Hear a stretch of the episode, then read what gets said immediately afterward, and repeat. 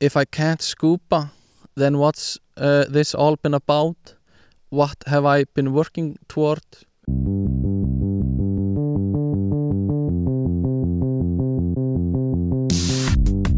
Halló er eitthvað að frétta Já það er ekkert að frétta Já það er ekkert að frétta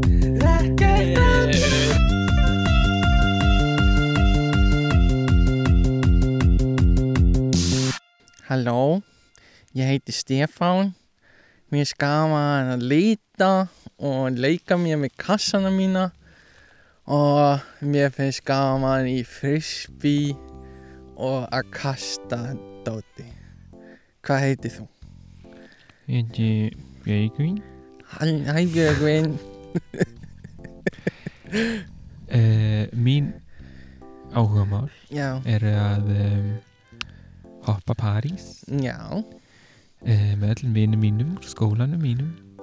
Og skólaninum, Já, ertu í Hofstæðaskóla? Já. Það er svona tveir París vellir. Það er eitthvað sem ég kann að segja frá á öllum tungumálum sem ég hef lært þá er það áhugamálum þetta er svona eitthvað eitthvað svona setningarulla sem maður lærir á öllum, öllum tungumálum Já, það er rétt það og hvað er þú býrð? já, það er einhvern veginn verið að tengja þetta við eitthvað sem mann finnst skemmtilegt öruglega, eitthvað svona segðu frá áhugamálunum, hvað finnst gaman að gera Örugglega, Já. til að reyna að fá fólk til að læra, ég veit ekki Eða bara em, Mér er alveg röggrætt að byrja því að segja frá sjálfu þér Já, já. Það er reynda góð punktur. Ég reynda lendi ekki oft í því að ég hitti eitthvað fólk í einhverju landi, ókunnu landi og byrja bara, já ég heiti Stefán, ég hef gaman að körfbalta og ég bý í Garðabæ á Íslandi. Mm, Mér er alveg sens að þú segir hvað þú býrð Já, já, amma þú sé frá. Íslandi kannski, já, já, það er góð punktur. Um, þessi þáttur er að koma til ykkar uh, upp í sveit og við sitjum úti að taka upp umkringdir flugum. Mörgum flug Já, flugu, við hefum átt í mikillir baráttu við flugunar hérna upp í, upp í sveit. Hún heldur áfram flugu baráttan. Um, um ókomna tíð um ókom tíð og við erum núna nú erum við sko við erum báðir núna með spaðan á lofti að drepa flugur við erum Mhm. svolítið eins og Legolas og Gimli í Lord of the Rings svona að telja Já, einmitt that only counts as one drepa einhvern geitunga eða eitthvað um, já en um, já við komum upp í sveit um Vestlunum annar helgina uh, það er mikið fyllir í. Við erum rétt hjá Húsafelli kíktum á Húsafell uh, í gær. Svolítið mikið fyllir í. Mm -hmm. Við sáum reyndar hérna, það voru svona hjólhísi Úff. og þetta var þetta voru bara eitthvað svona íbúður á hjólum. Þetta voru og með, bara svona luxus, luxus íbúðir búið að planta nokkrum þannig í svona hring. Uh, ég, þú veist, af hverju ert að fara í útilegu? Ef þú ert bara með, þú veist luxus íbúð, eða af hverju ert ekki bara heima hjá þér í staðinn, skilur og ferð út í garð? Ég veit það ekki, bara góða veðrið. Já, Það er einhvern veginn eina bara fara einhvert en ég ætla ekki að gefa eftir neitt. Nein luxus tægindi Nei. bara ég eh, eh, sleppa sjónarspunum mínu ekki sjans. Ég tek 50 tómið skjá með mér. Sleppa því að fara í sturtu Nei, um, já ég er ekki alveg komin að þannig stað. En já mikið fyllir í.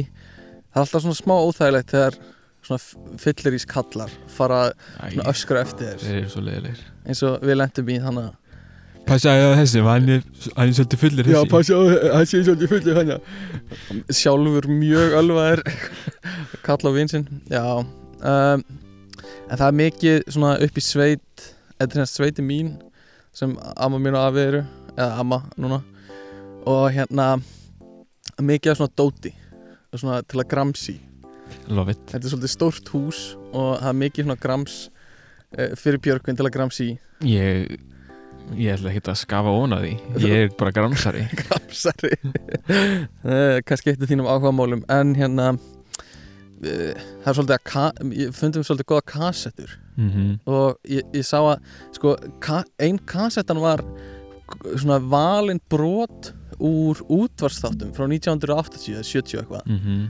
sem mér finnst svolítið áhugavert dæmi. Ég verið ógæslega til ég að ná að hlusta á það. En hérna það er svona podcast síns tíma. Já, já. Það er bara on demand já, útvarp. Já, bara, og það er líka eitthvað bara svona uh, hver, hver er maðurinn? Og hérna uh, einhver leikir hvað- er þetta? hvað er hljóðið komast að því? já, það er mjög ég, já, mér langar að vera gaman að hlusta það en út frá því kviknaði svona hugmynd sko það væri gaman að gefa út þætti á kassettu, Mhm. okkar þætti sko Mhm. um, ég veit bara ekki hvort að fólk hefur þú segjum að einhver myndi vilja kaupa eða hlusta þá er ekkert allir sem get eða þú veist hafa færi á kassettutæki til að spila Nei, fólk Um, myndi vantilega kaupa þetta bara sem svona sapn hlutur Já, já. þannig og þú veist kassetta, ég veit ekki 40 mínútur hlið eða eitthvað, max. Já. þannig að það þurfti að vera stutti þættir eða eitthvað. Mhm.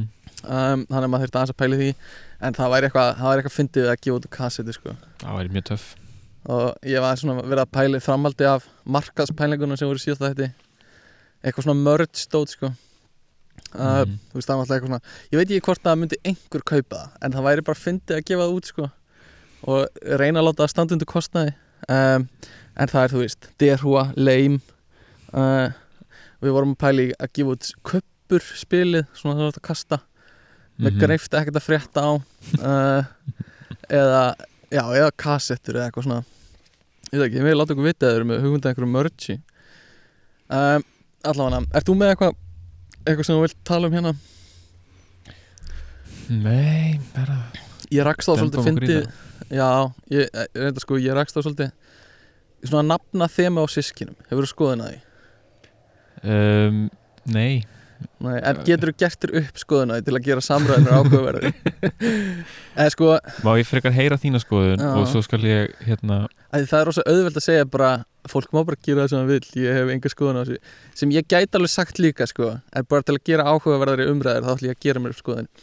En hérna eh, þú veist ég sá svona nafna þeim á sískinum það sem er þú veist þau rýma nöfnin skilur þú ert kannski með uh, uh, kannski unnar Nói eða eitthvað og svo er bróður hans heitir Gunnar Sóli eða eitthvað skilur mm eða, eða hérna eh, já, eitthvað svona að það er svona þema í nöfnunum. -hmm. hefur þú veist fi- myndirðu gera það sjálfur Líklega ekki. Eða þú veist, alltaf fyrra nafni byrjar á K og seinna nafnið á einhverjum öðru staf Ég- Og er tveir- Stólíklegt að ég myndi gera það ef ég væri að gefa mínum börnum nöfn Já. sko. Mér finnst það svona og er svona, frekar kjánulegt eitthvað. fyrra nafnið er tvö atkvæði og byrjar á K og seinna nafnið er eins atkvæðis orð og byrjar á D eða eitthvað.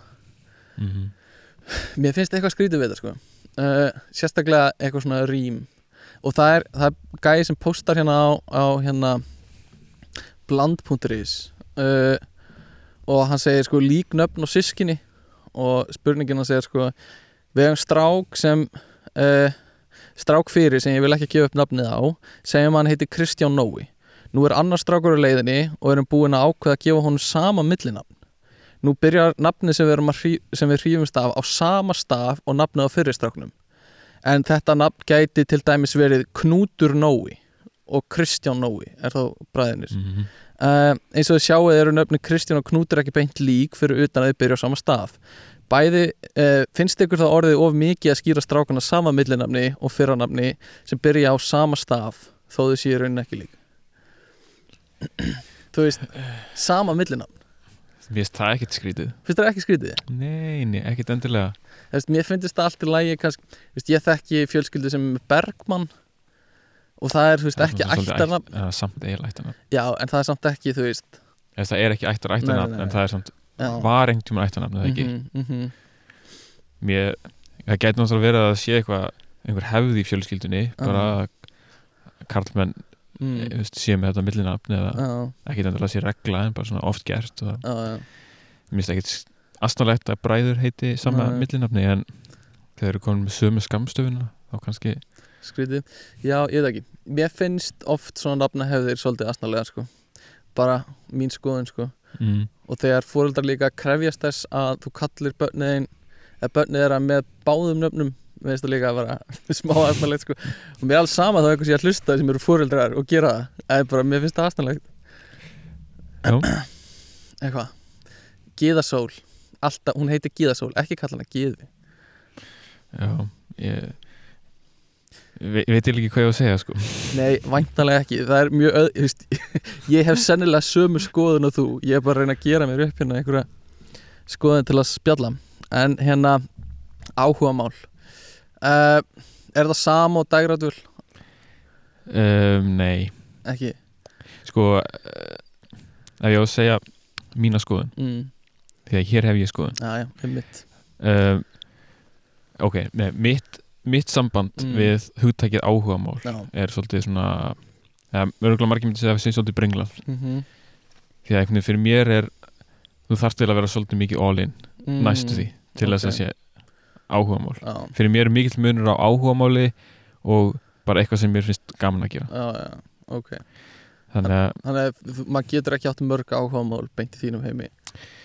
Kannski ekki mörg. Nei, en þú veist þetta er bara svona þannig sem þetta er bara uh, minn skilningur. Mm. þannig sem ég hugsa mm. um áhugamál.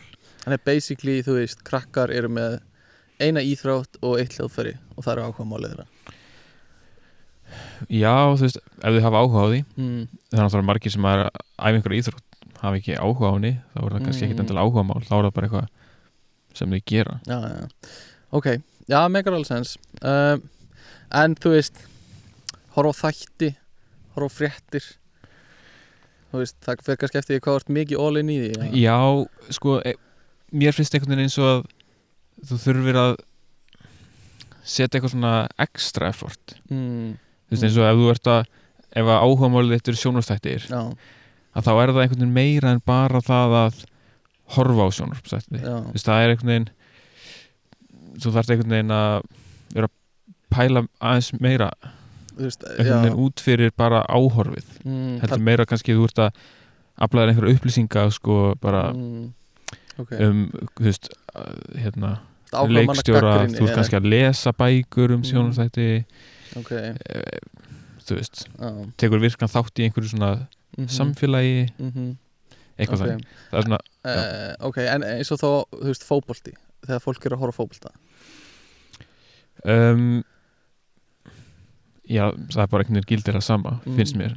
Já, einmitt. Ef, ef þú, En ef þú ert bara, þú horfir alltaf á sunnundarsleikina eða helgarleikina og spjalla við strákana í vinnunni um fótboltan mm, um, le, um leiður fann að gera eitthvað aðeins meira en bara horfa, að þá stöður fann að taka þátt í einhverjum mm, samræðum jafnvel mögulega á netinu kannski að þú Spjallborði. þú veist, einhverju spjallborði, kannski ertu Mm. alltaf að skoða já, þú veist, þú ert aktíft að skoða kannski fréttir uh, tengt sko, ennsku deildinni svona áhuga manna spjallborð eru svo fucking intense oft. Já, bara, uh, þú veist, þú ert með spjallborð fyrir hvað sem er.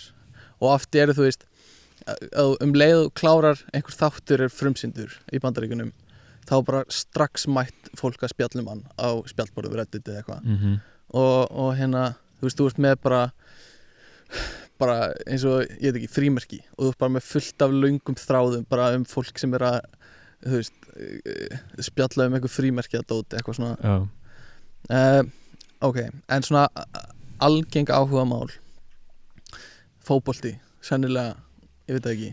Já, svona vinsælst á Íslandi. Öruglega eða kannski bara í Európu um, hvað finnst þér elda? Spila tölvuleiki? Uh, alveg spurning hvað er svona já, hvað maður á að flokka sem áhuga mál sko. En ég, ég, bara, ég, ég veit að það eru margir eða flestir líklega ósamála því Mm. hvernig ég hugsa um já, áhuga mál sko, en ég gerir mér alveg grunn fyrir því. Ok. Fólk er að, ég er með einhvern lista hérna og það tala um að blogging sé algengasta áhuga málið eða mjög algeng áhuga mál ég held að 2007 hafi verið að ringja og vil ég fá áhuga málið sitt aftur. Eru margir að blogga í dag? Um, ekki á Íslandi. Nei. ég mann þegar þetta var samt Blog Central, já, Blogspot. ég átala öruglega tvær, þrjár síður sko, sem ég byrjaði alltaf á og hætti svo með bara mjög hérna, fljótlega. Já, hvað var maður að setja inn á?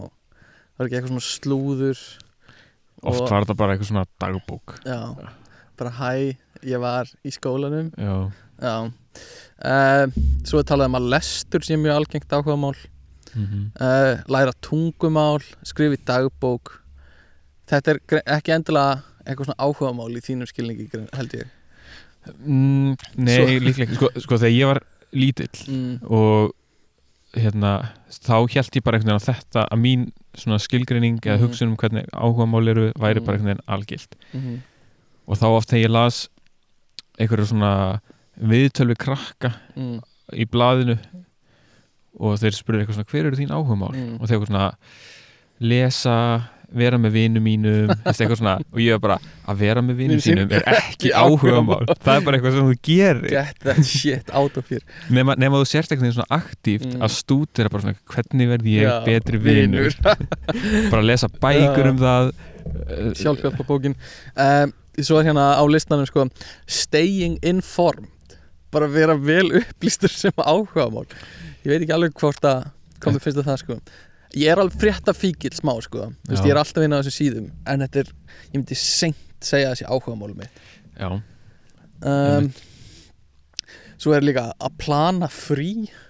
Þú veist að plana, að plana frí. fríð mm, ekki að þú veist vera virkur að ferðast eða eitthvað heldur bara að plana fríð en ég, mm, ég get alveg tengt það sko. Ef, að það sé áhugamál. Ef, sko, ég held að ok, það eru auðvitað margir sem segja að ferðalög séu áhugamál. Mm. Og ég get alveg skilið það vegna að ég tengi þá við sko skipulagninguna, Mhm. að vera ofta að skoða kannski þú veist, áfangastæði jafnvel Já. áfangastæði sem þú veist að þú ert ekkert að fara á en þú ert bara að skoða Mhm. það vegna þess að þið finnst áhugavert þú veist, hvað er til en einhvern veginn ef þú færir oft í ferðalög að það væri alltaf einhver annar sem skipulegur ferðalögin fyrir þig og þú Já. bara ferð með þá finnst mér skrítið að segja að ferðalög séu þitt áhugamál því að þú ferð bara í ferðina. Ok, finnst þér ekki nóg til að ok, uh, já sko uh, það er líka þú veist eitthvað svona eins og garðrækt, gardening og hiking að þú veist fjalla, fjallgöngur og eitthvað. Mm. fjallgöngur geta klálega verið Já, áhuga bara ekki spurning. Uh, og svona að ditta garðinu sínum. Getur þú séð þig einhvern tímann í framtíðinu vera svona garðkall? Um, Nei, ekki eins og ég sé fyrir mér akkurat núna sko. Ok, Ég Eh, meira svona smíðagall sko. smíðakall. Já, við förum í það á eftir í mitt sko. Uh, svo er spila á hljóðfæri uh, naglasnýrting origami. Naglasnir já, Ok, setja svona neglur og mála og eitthvað. Uh, hlaupa, dansa, jóka vera á hjólaskautum. Og svo er slacklining eða svona da- línudans. Uh, nei, ekki línudans dansa á svona þú veist, þú strengir einhvern svona band á milli tvekja staura, já, ok. Það er svona lappa á já, já, já. línulapp eða eitthvað. Um, þetta er svona partur af vinsælustu áhugamálunum af einhverju lista. Ég myndi ekki segja að línulapp væri mjög vinsælt áhugamál. Eh, Hvaðan er þessi listi? og ekki spyrja. Skillcounter.com um, ok, mér lákaði bara svona aðeins að renna yfir nokkur áhugamál áður en við höldum áfram. Um, sko elda fyrir mér, ég get alveg séð það. Ég var alveg til að fara aðeins meira inn í svona eldunar áhugamál sko. Já, um, alltaf bara leðilegt stundum að taka til eftir, eftir það hobby sko.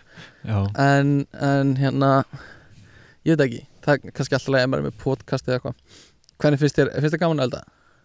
Já, mér finnst oft gaman að elda sko. Mm. og mér finnst gaman að, Nostra já, það er uh, miklu skemmtilegar elda þegar maður er virkilega að reyna að gera það vel sko.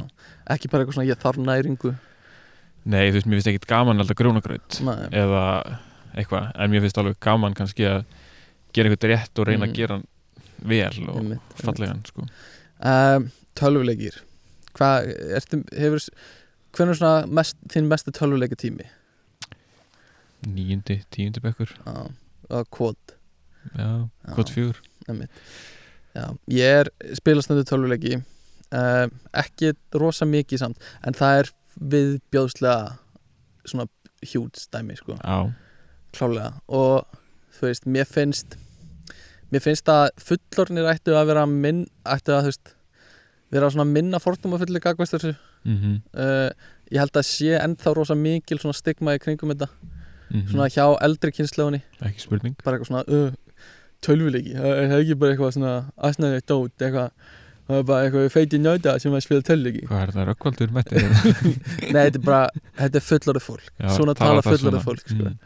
Það er hérna, "Já, þessi sko, það er bara eitthvað ógíslega leiðið að spila tölvuleiki alltaf sko. uh, En tölvuleikir er bara, það er að verða svo mikið meira listform sko í dag Og Já, þú veist, það eru náttúrulega þessir svona, múlt, svona það er svona að spila með fleirum en einum. Mm og það er náttúrulega bara þú veist, dægrastýtting og, og hérna ákveðið svona hæfileiki. En svo eru líka bara svona tölvuleiki sem eru bara saga og mikil hugsun og pæling bakvið og list bakvið sko. Mm og þú veist, þetta er náttúrulega bara þetta er náttúrulega bara svona ákveðið afreg, svona tæknilegt afreg mikið af þessum tölvuleikim sko. Mhm. Ég held að uh, ástæðan fyrir því að kannski eldra fólk mm. Lítið á tölvuleiki sem eitthvað svona bara bla er vegna þess að þú ert bara einn oftast. Já, já, já, og kannski áttast ekki á því endilega að þú sért að spila með einhverjum öðrum. Mhm.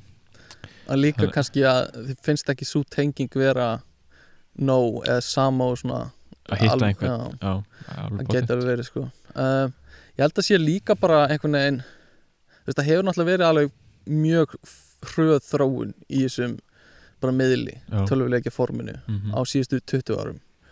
Uh, þú veist við erum komin maður man líka eftir bara einhver svona tölvuleik sem maður sá kannski 2005 eða eitthvað. Og maður hugsaði bara ok, gæðin í þessu eru bara eins og í alvörunni. Þau verði ekki betri. Þau verða ekki betri. Og þetta voru bara einhver svona þrýninga kassar sem voru búið til úr nokkru pixlum eða eitthvað. Já, og maður bara, ok, við erum búin að toppa. Stopp nú. En svo bara þú veist 10 árum, fimm- 15 árum er þetta bara orðið að einhverju sko bara crazy dæmi sko mhm. um, en svo er ég með svona nokkra pælingar uh, að ég á með hugmyndir fyrir kannski fólk sem er að leita sér áhugamálum og það er bara náttúrulega það er svona fyrir eitthvað svipaði listu og algengu áhugamálin en ég held að sé alveg mikið af fólki sem á okkar aldri og bara öllum aldri sem bara eiga sér ekkert mikið af áhugamálum Mhm. sem er svolítið svona mér finnst það smá slæmt sko. Já, ég mér finnst það alveg mikilvægt sko. sko. Mér finnst eiginlega bara mjög mikilvægt að einhvern veginn þú veist, þú ert með einhverja vinnu kannski sem Mm. þú ert í þú ert í, eða ert í skóla eða eitthvað. Og svo finnst mér einhvern veginn mikilvægt að eiga eitthvað annað já, sem þú getur alltaf farið í um, kúplaði út úr hinnu það er ekkert næ sem maður er bara einhvern veginn uh, er með vinnu, kemur heim borðar, fyrir að sofa og svo bara mæta aftur í vinnuna. Þá er sérstaklega ok, ef þér vinnan getur náttúrulega verið áhugamálið þitt. Mm. en það er náttúrulega líka ég er ekki viss með að sé holdt sko. um, nei, kannski ekki just, ekki ef það er það eina sem þú gerir það er náttúrulega líklegt að einhverjum tímapunkti brennir út. Uh, ég held að sé ekki já, endurlega mjög holdt en uh, ég er með hérna quote úr The Office uh, sem Creed segir og það er hérna If I can't scuba then what's uh, this all been about? What have I been working toward? Já. Þetta er bara mikilvægt quote sko. Ég tengi alveg við þetta vegna, vegna þess að ég get alveg ímyndað mér að örgulega meiri hluti fólks er í vinnu sem það hefur ekkit ótrúlega gaman af. Nei, nei, nei. og þá verður að hafa eitthvað. Þú getur ekki bara eitt lífinu í já, leiðilegri vinnu. Og og Creed er hérna bara, hann er bara hann er bara, vill bara kafa og fara að kafa, já, bara skúpa og ef hann missir það, þú veist, þá bara þá verður þetta til einskis að vinna sko. Mm um, en, en hérna þú veist, íþróttir og áhugamál er oft mjög tengt þú veist, Mhm. þetta er svona þú veist, eins og sem krakkar er oft íþróttina manns einhvern veginn mjög stór partur á áhugamálinu. Já, um, og uh, uh, það svona er, en þegar þetta komið upp í afreks pælingar mm er það ennþá uh, þú veist áhugamál? Um, þegar þetta er orðið vinnaðin þá ertu komin bara aftur á þann saman við vorum að tala um áðan þú veist, Já. ef þú hefur ótrúlega gaman af vinnunni þinni mm.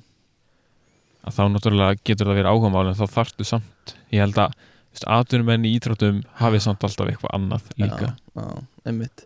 Uh, en uh, sko afreksfólk það er náttúrulega ekkert mikið af bara svona 100% afreksfólki á Íslandi eða þú veist svona sem vinnur við bara fullri vinnu Já. við íþróttir. við íþróttina sínar. Nei, það er ekki mikið af þessu. Nei, finnst þér, þyrft að hlúa meira að þessu eða finnst þér þetta meika kannski bara sens með við hvað erum fá? Skilur, í 300 manna borg einhvers staðar heldur þú séu veist, jafn mikið af bara svona atvinnu afreiksfólki og Íslandi? Uh, ég veit svo sem ekki tölfræðina en bara með við umræðina sem hefur verið núna í kringum ólimpíuleikana alltaf verið að tala um eitthvað og aldrei verið færri íþróttamjörn á ólimpíuleikunum frá Íslandi og veist, það er held ég engin tilviljun endilega Mm. að við séum ekkert að ná mörgum keppundum inn Já. því að, því að hérna, það er ekkert margar íþróttir sem fáir unni aðtegli nema þá veist, fótboltin Mm. er einhvern veginn eina að jú, kannski í körfuboltanum er einhverju Mm. leikmenn sem eru í fullri vinnu bara við Já, mér finnst það samt alveg þú veist, við erum alveg það fámenn að ættu við að ná ættu við að ná fólki inn? Bara svona töl, eða, veist, ég veit við- ekki tölfræðina sko. En, kannski en, man, en ég held að það gætu algjörlega verið fleiri. Já, já, klálega uh, Já, en Já, já, það er alveg rétt sko.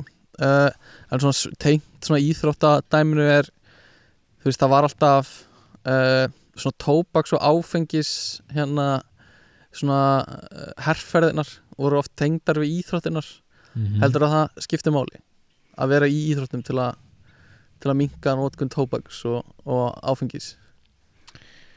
Um, eða bara svona við, að vera viðriðin einhvern svona hóp eða svona áhuga mála að vera inn í einhver svona, á, svona samfélagi og ég held kannski mögulega ástæðan fyrir þetta er tengt við íþróttir er náttúrulega íþróttir eru svona sagðar vera mjög heilbreyðar eða Mhm. það að stunda íþróttir eða reyfingu er heilbreykt mm -hmm. það að neyta tóbaks er óheilbreykt Já. það er einhvern veginn auðvitað að púsla því saman sko og en svo líka bara eiginlega allir krakkar eru í einhverjum íþróttum mm og hafa kannski eh, einhvern áhuga allavega á einhverjum tímapunkti að ná árangri já einmitt þá hérna mm, þú veist, eða þetta- væri kannski skrítið ef að það væri, þú veist, eitthvað svona eitthvað, þú nærði ekki árangri í, borðspilinu einu ef þú reykir, Það er bara, mm, ok meikar ekki sens ok, en það er svolítið oft svona idealize, einhvern veginn svona sett á rosalega háan stall svona íþróttafólk.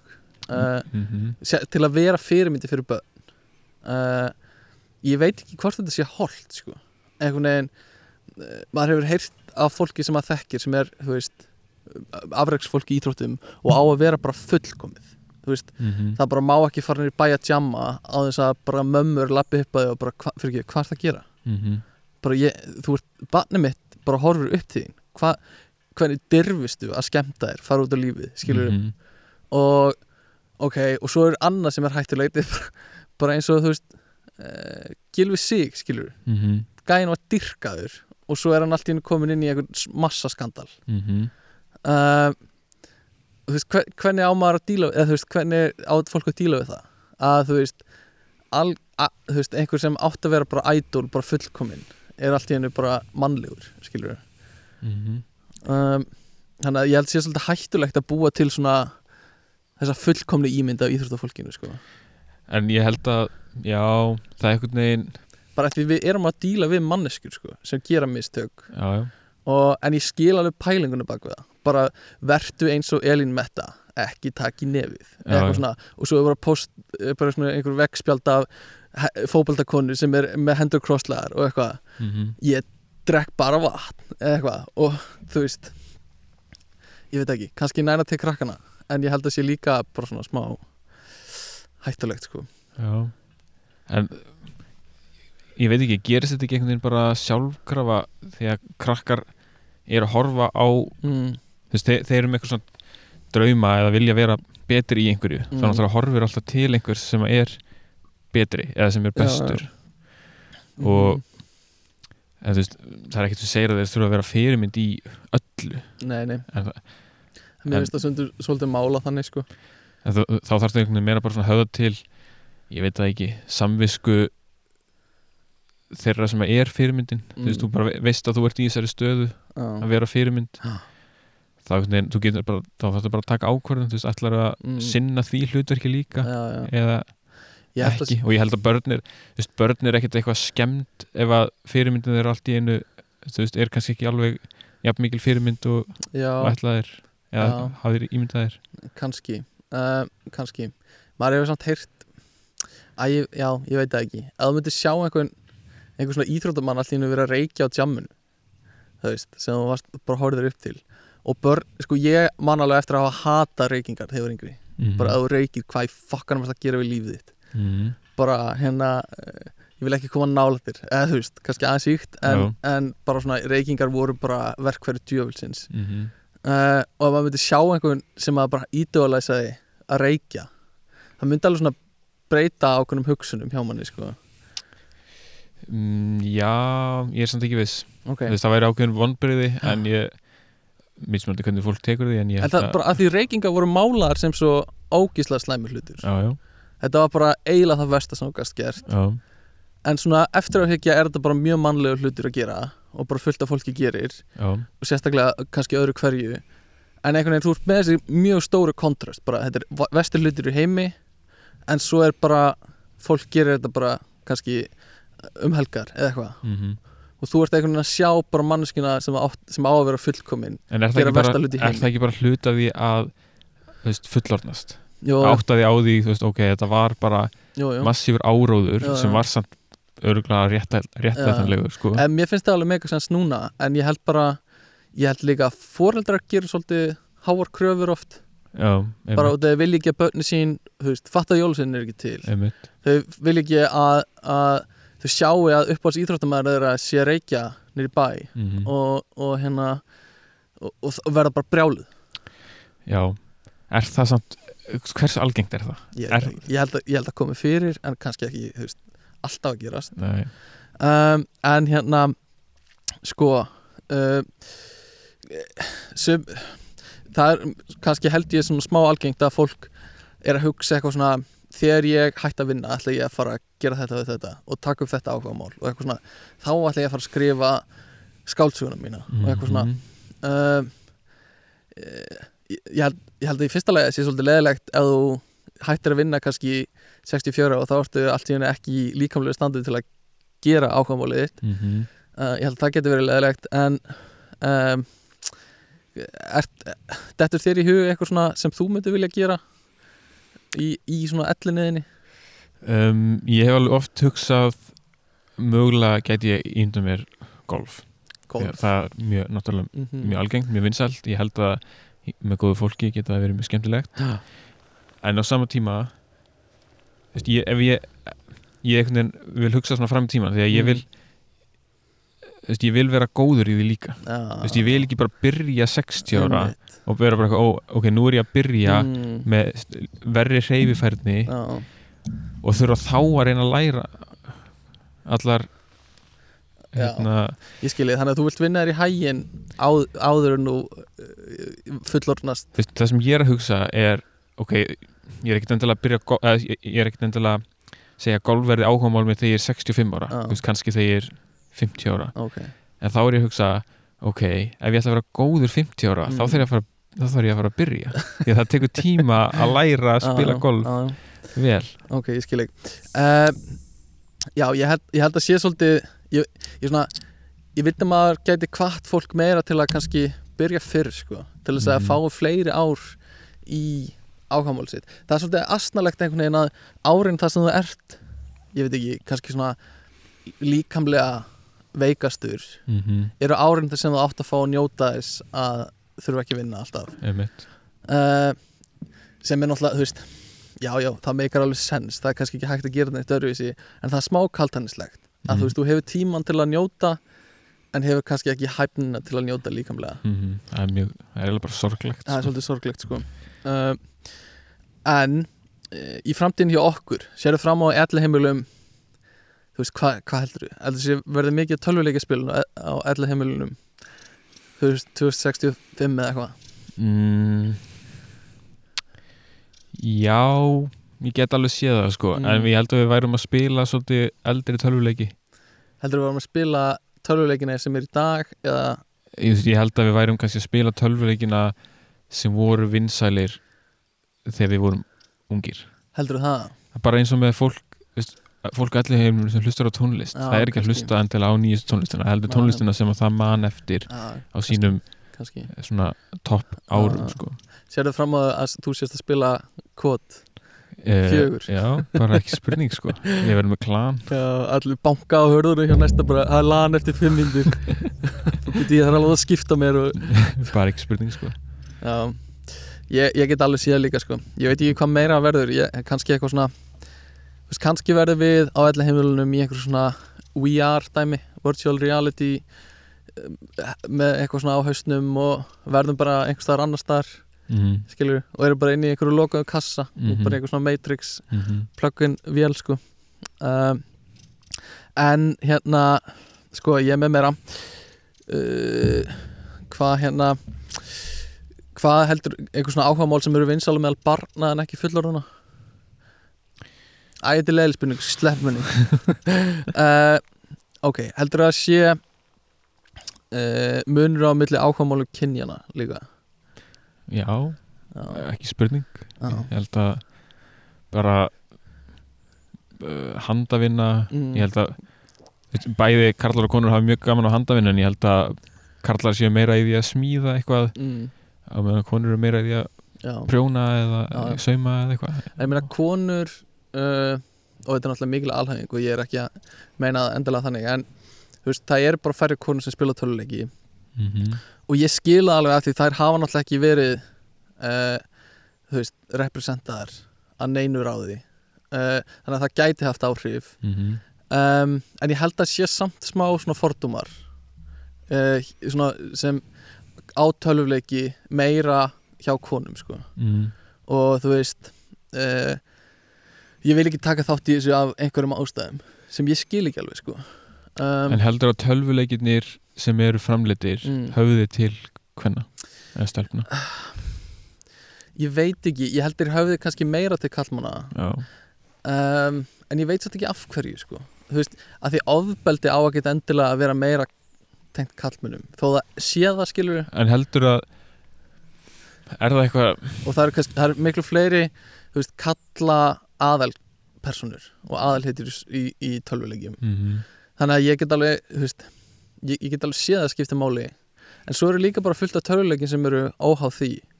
Já, bara eins og þú veist töluleikin sem heitir Animal Crossing og eitthvað svona sem eru ekki einhver svona aksjónleikir heldur bara svona dundursleikir mm uh, Sims -hmm. uh, og þeir leikir eru náttúrulega held ég mögulega vinsalli hjá stelpum. telpum sko. Ég held að ég held að hluta af þessu sé bara úrvalið af tölvuleikjum er meira svona beint til Mm. stráka. Þú veist, eitthvað svona veist, ég held almennt að strákar hafi meira gaman af einhverju sem er eitthvað svona þú veist, drepa mm. annan. En af hverju, þú veist, þess- heldur þessi innbyggt í okkur? Já, ég held að. Heldur þessi í menningunni?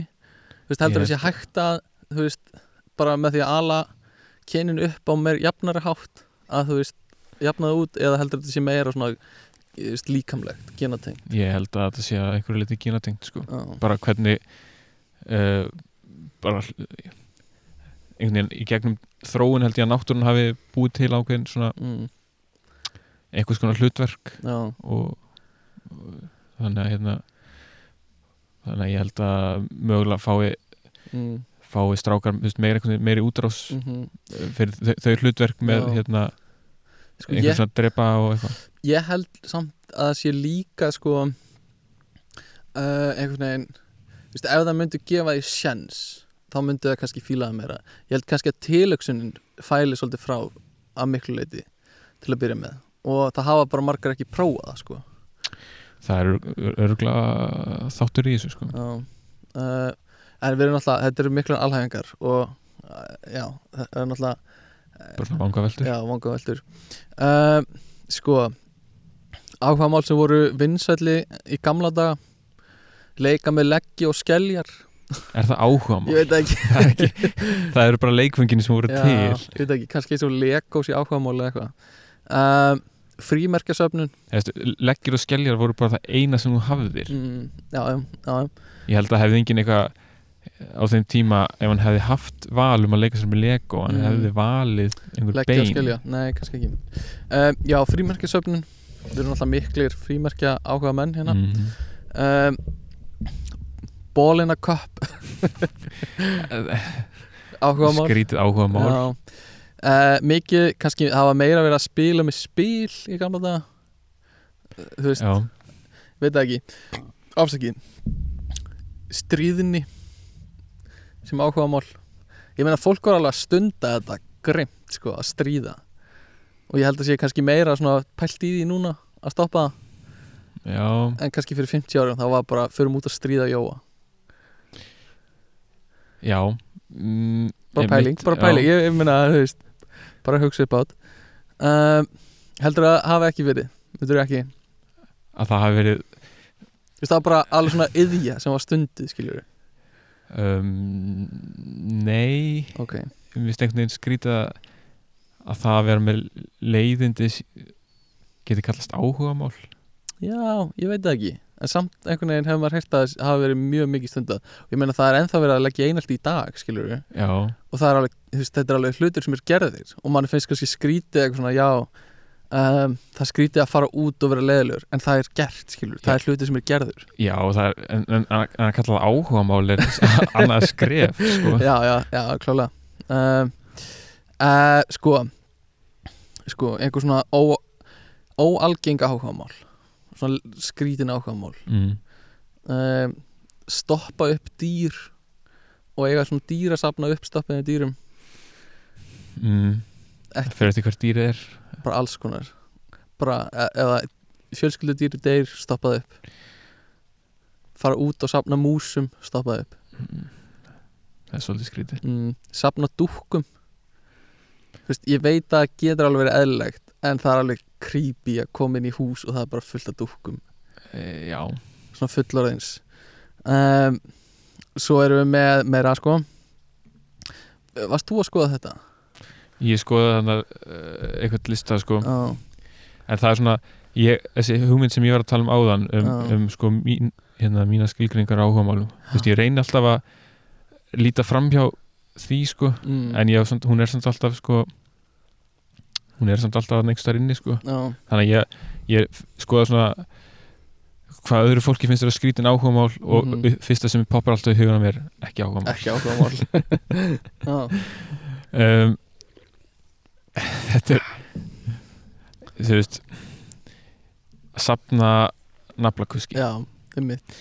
Uh, og einhver gæi er búin að sapna 22 Mhm. grömmum. Já. er það mikið af naflakuski? Nei, mér nefnilega finnst það ekkert mikið af það ekki naflakuski.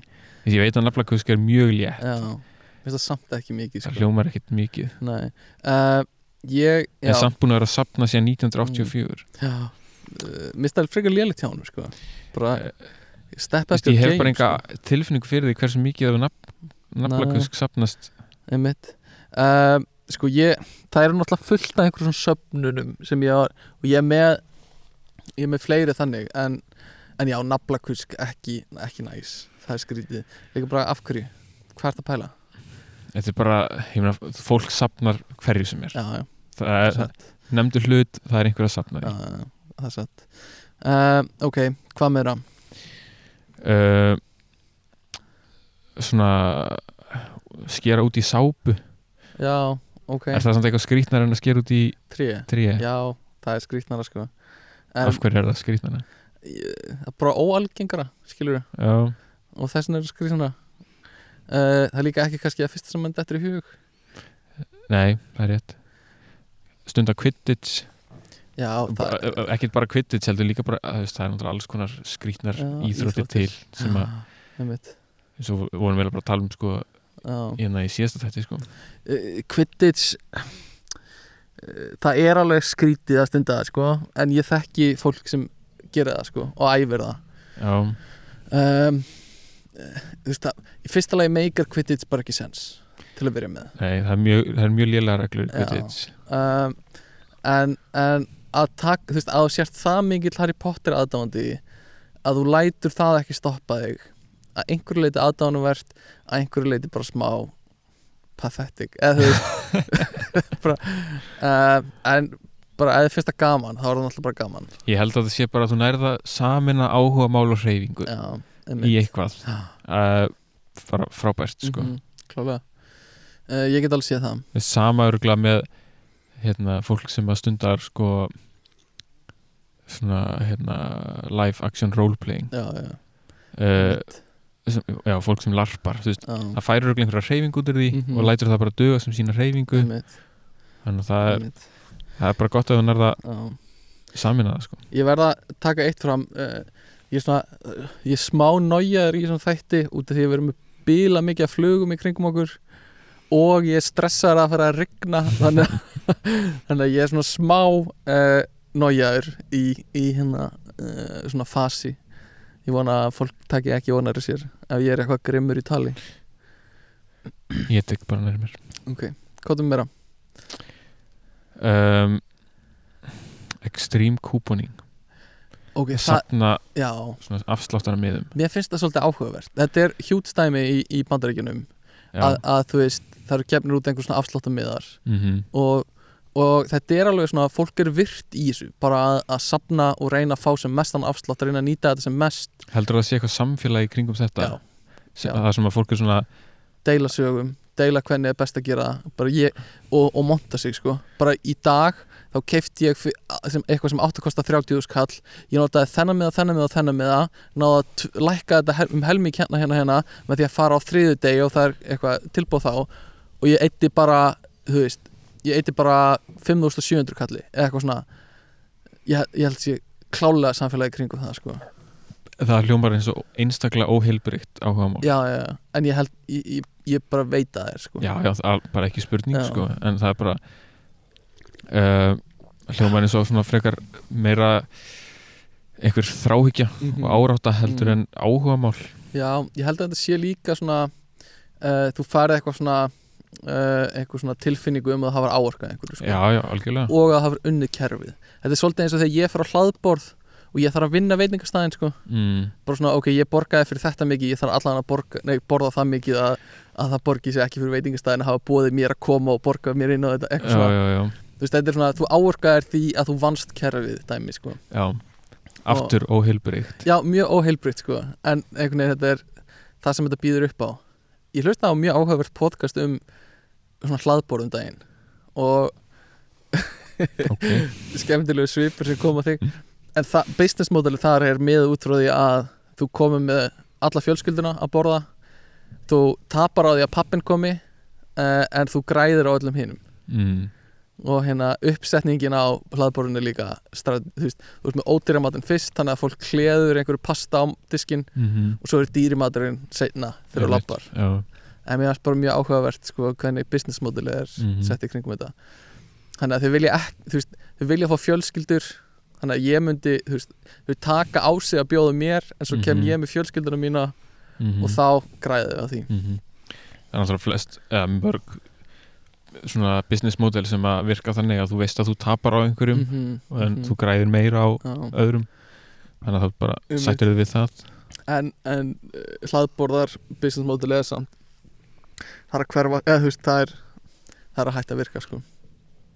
Og það, þau er að hverfa í bandaríkjunum. Nú, ok, eini starfum sem þetta er ennþá einhverju blúsandi syklingu er í spilavítum. Mm. af því þá græða þau á því að hafa matinn á staðnum þannig að fólk þurfi ekki að fara út. En af hverju er þetta hætt að virka? Ég veit ekki, bara, bara sennilega minni áhugi og þú veist fólk er að borða á einhvern öðru sér hátt eða eitthvað, mm. minna fjölskyldum að mæta.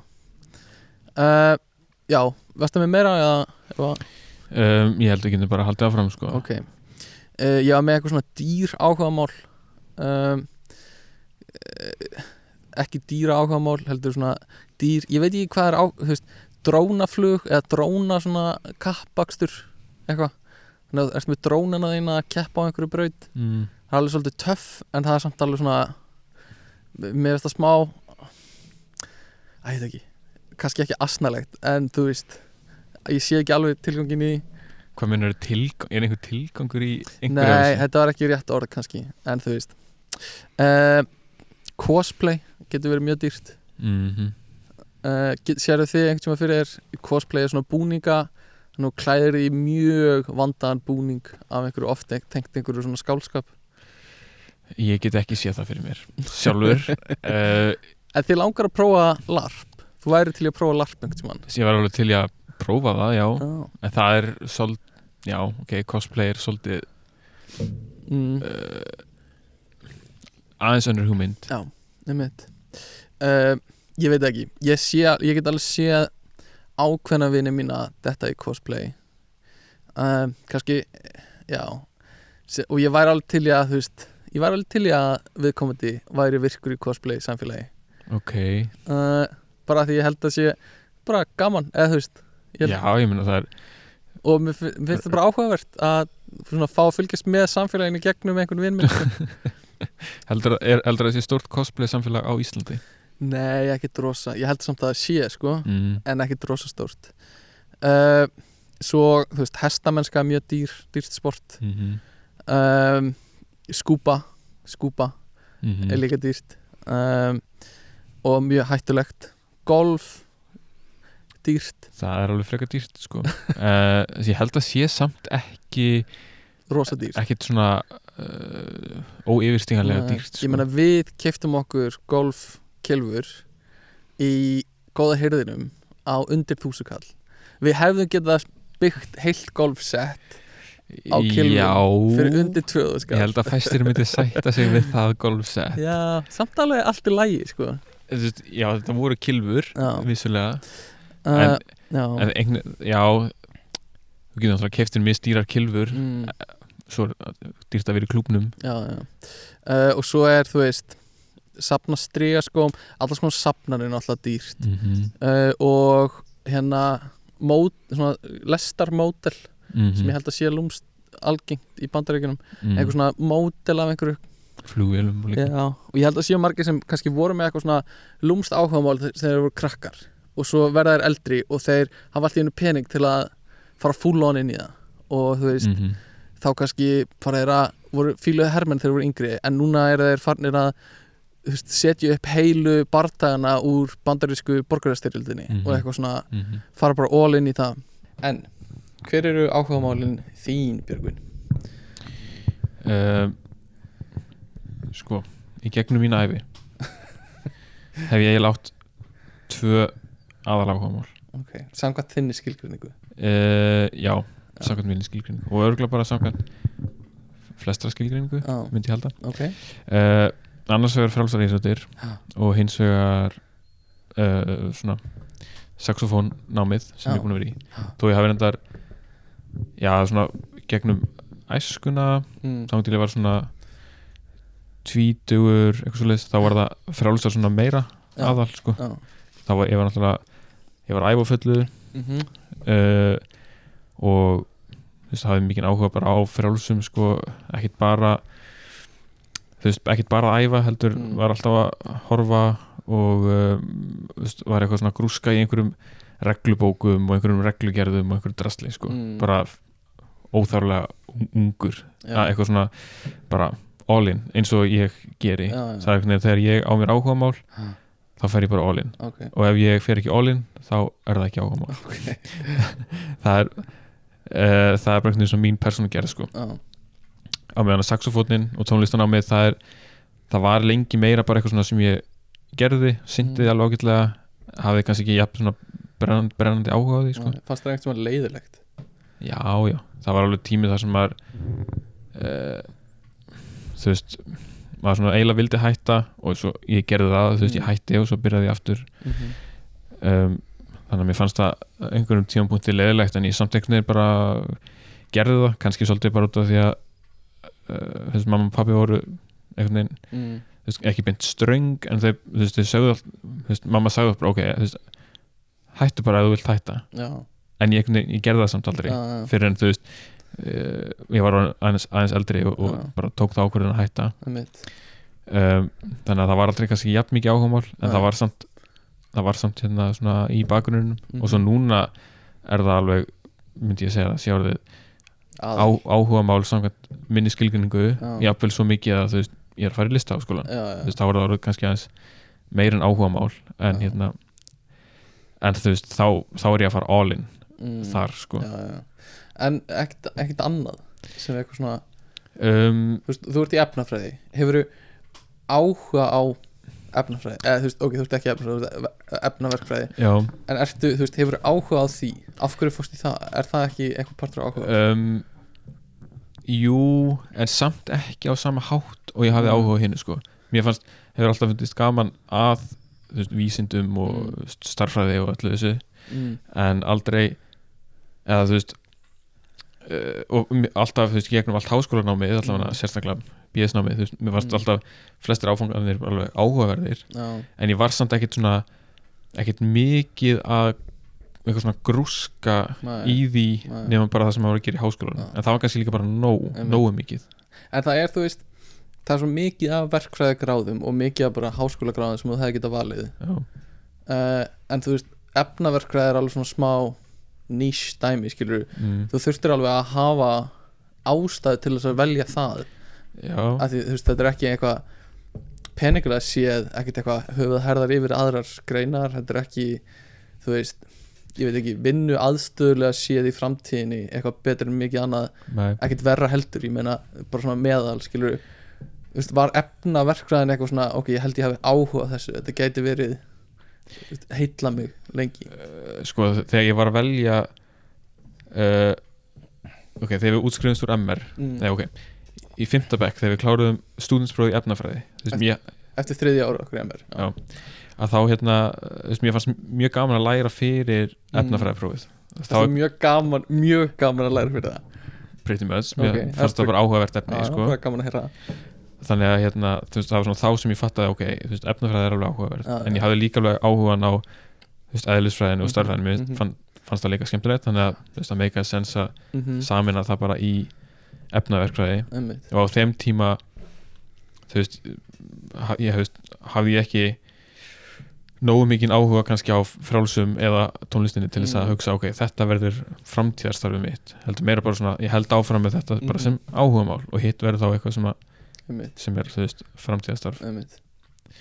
þannig að, þú veist, jú, jú, ég hef alveg einhvern áhuga á vísindum og það, efnaverkvæðin en þá en, en þú veist, samt ekki þannig að ég Nei. sé mikið að grúska í því. Var það eitthvað svona þetta er það skásta af því sem ég get valið eða var þetta, þú veist, Nei, nei, ég, vil bara, fara í ég, þetta? ég vildi bara gera þetta. Og ég er, ég er bara sáttur með það Já, val sko. En eitthvað svona, hefur aldrei átt eitthvað svona, svona önnur skapandi áhugamál eða, þú veist um, eða mynd, hefur, hefur kannski myndur vilja hver var svona sko, ég væri til í að vera meira svona svona svona það er það er svona nokkur næstum því áhugamál Já, næstu áhugamál vegna þess að eins og ég segi þú ef ég vel mér áhugamál þá fer ég alltaf bara all in Mm. og ef ég fer ekki Mm. all in þá slepp ég því það er einhvern veginn eins og ég segi, bara þannig sem ég Já. ger það en Ef þú ert ekki all in, þá ert ekki ball in einhver Já, nákvæmlega, Og ef þú ert all in, þá er ég ball in í því, skilur Já. Já. En það er Þetta er það sem við segjum alltaf. uh, stundum. Já. segjum þetta stundum. Ef við segjum þetta svona stundum en samt alveg oftar en við ættum að segja þetta. Já. Um, Sko það er einhvern veginn a- aðra listgreinar kannski mm. uh, kvikmyndir, bækur. Um, en samt þú veist, eins og kvikmyndir þú veist, ég myndi vilja geta syndi miklu betur. Að horfa eða að búa til framlega meira, meira horfa og þú Mm. veist, pæla í þú veist, uh, og ekki bara fara í bíó heldur og pæla í þú veist, Mhm. leikstjórum Mhm. og já. þú veist, eitthvað svona kannski meira skoða svona eitthvað arthouse Já. bíómyndir og saman með þú veist bækur og Mhm. uh, þú veist ég væri, myndi vilja lesa miklu meira bókum en Mm. bara út af þeim áhugamálum sem ég er búin að velja mér að þá einhvern veginn gefur mér ekki tíma í það Skilvík, skilvík. þannig að Mhm. Þú veist hús, húsgögn, ég hef gaman að ég að skoða húsgögn en það er bara eitthvað svona þú veist, eins og ég segi það er eitthvað sem fyrir flokkin eitthvað sem ég hef gaman af Já. þú veist, að, þú veist þegar ég sé falleg húsgögn þetta er falleg Já, eitthvað svona, já. en, en ekki nóg mikið þannig að ég svona Nei. aktíft leiti að upplýsingum eða eitthvað um það Hefur eitthvað pælt í að fara í, þú veist Ég veit þú hefur pælt í að fara í, þú veist, eitthvað námtengt húsgagna mm smíð, pælingum, einhverju svona. -hmm. Er það eitthvað sem heldur að sé bara eitthvað draumur eða heldur að sé eitthvað sem þú munir gera? Um, það er ekkit útilokað að ég muni gera það. Nei. en það er svona, það er einmitt bara svona þú dæmi um það hvernig að ef ég fæ áhuga einhverju mm, þá fer ég bara all in. Já, Þú veist, það er ekki- já, það er bara svona, ef ég hugsa hmm, húsgögn eru frekar töff, Mm. það væri gaman að smíða húsgögn. Mm, að þá ekki svona hm, kannski ég taki næstu mm, 20 árin í að Mm. læra að smíða stól. Já. heldur bara, ok, ég skráði mig bara í fullt nám já, í einhvern skóla og læri Mm. þetta bara á þreymur árum. Einmitt. En eins og uh, þú veist, það sem við erum að gera núna að, þú veist, búa eitthvað svona til? Um, eins og podcast eða eitthvað svona meira þannig. mér, það er aftur fyrir flokkin eitthvað sem ég finnst gaman að gera. Mm, en, einmitt. En bara vegna þess að út af öðrum áhugamálum þá Mhm. hef ég ekki nægan tíma til þess að sinna því nógu vel til þess að ég kallið áhugamál. Uh, en svo eru þetta nokkur svona hérna svona uh, nokkrar yðjur já, ok. sem að ég myndi se- segja kannski sé svona stundum hugsa ég að þetta væri kannski gaman að vera áhugamál. Og það er eitthvað svona oft eitthvað svona almennur nördaskapur ok bara svona eins og hérna alls konar eitthvað svona pop menning mm, svona, uh, borðspil, tölvuleikir bara þetta sem við vorum að tala um áðan eitthvað svona sem að ég hef aldrei komist almennilega inn í Mhm, en mhm. alltaf svona einhvern veginn staði við dittnar og, og svona ekki, ekki þórað að Mhm. banka á það sko. mér finnst nefnilega uh, þessi svona nördamenning uh, mér finnst þú svolítið svona, hún er svolítið eins og svona, svona hræðilegt uh, svartól einhvern veginn sem Mhm. maður hefur séð svona grípa fólk og bara geta það sko Mhm. sem er ekki slæmur hlutur og ég er ekki að meina á slæmanhátt nei. mér er bara þú veist þegar þú ferð inn í það þá sekkur þú djúft Mhm. og þú, þú fílar það þú veist Magic the Gathering það er alveg það er alveg sko eitthvað sem bara fólk verður mjög obsessed með og bara Mhm. sekkir, sekkur bara einhverjum hundruðu þúsunda bara í að kaupa spil Já, og D&D og eitthvað svona þú veist, þú sér bara fólk um, bara, þú veist já, ég var að koma úr 8 tíma D&D sessjoni við Mhm. gerum þetta í hverju viku. Já, eitthvað svona, þú veist þa þarna er eitthvað, þetta er alveg það er alveg áhugamál. Já, já eitthvað svona, spurning sko. bara sem ég myndi klálega skilgjörnum sem já, áhugamál. ekki spurning ég líka. Er, og ég held að þetta sé þessi nördamenning sko uh, og, og ég vona að enginn taki að því á engan hátt neikvætt að því mér finnst það mjög jákvæð þú veist menning. Já, og hérna bara gott að segja að kalla þetta nördamenningu en þú veist um, þú veist ég held að þetta sé ákveðið svona samfélag fyrir fólk að því það er óneitanlega oft fólk sem er kannski svona feimið í skóla er ekki kannski þessi sem eru í íþróttum og eitthvað svona Mhm. sem, sem tekur kannski lengur tíma til að finna sér eitthvað svona hóp Mhm. sem, sem endar þannig og ég, eh, ég sko ég allan að kannast við það í gegnum sko bróðu minn Mhm. og svona fólki sem hann hefur verið með og hann er mikill nördi og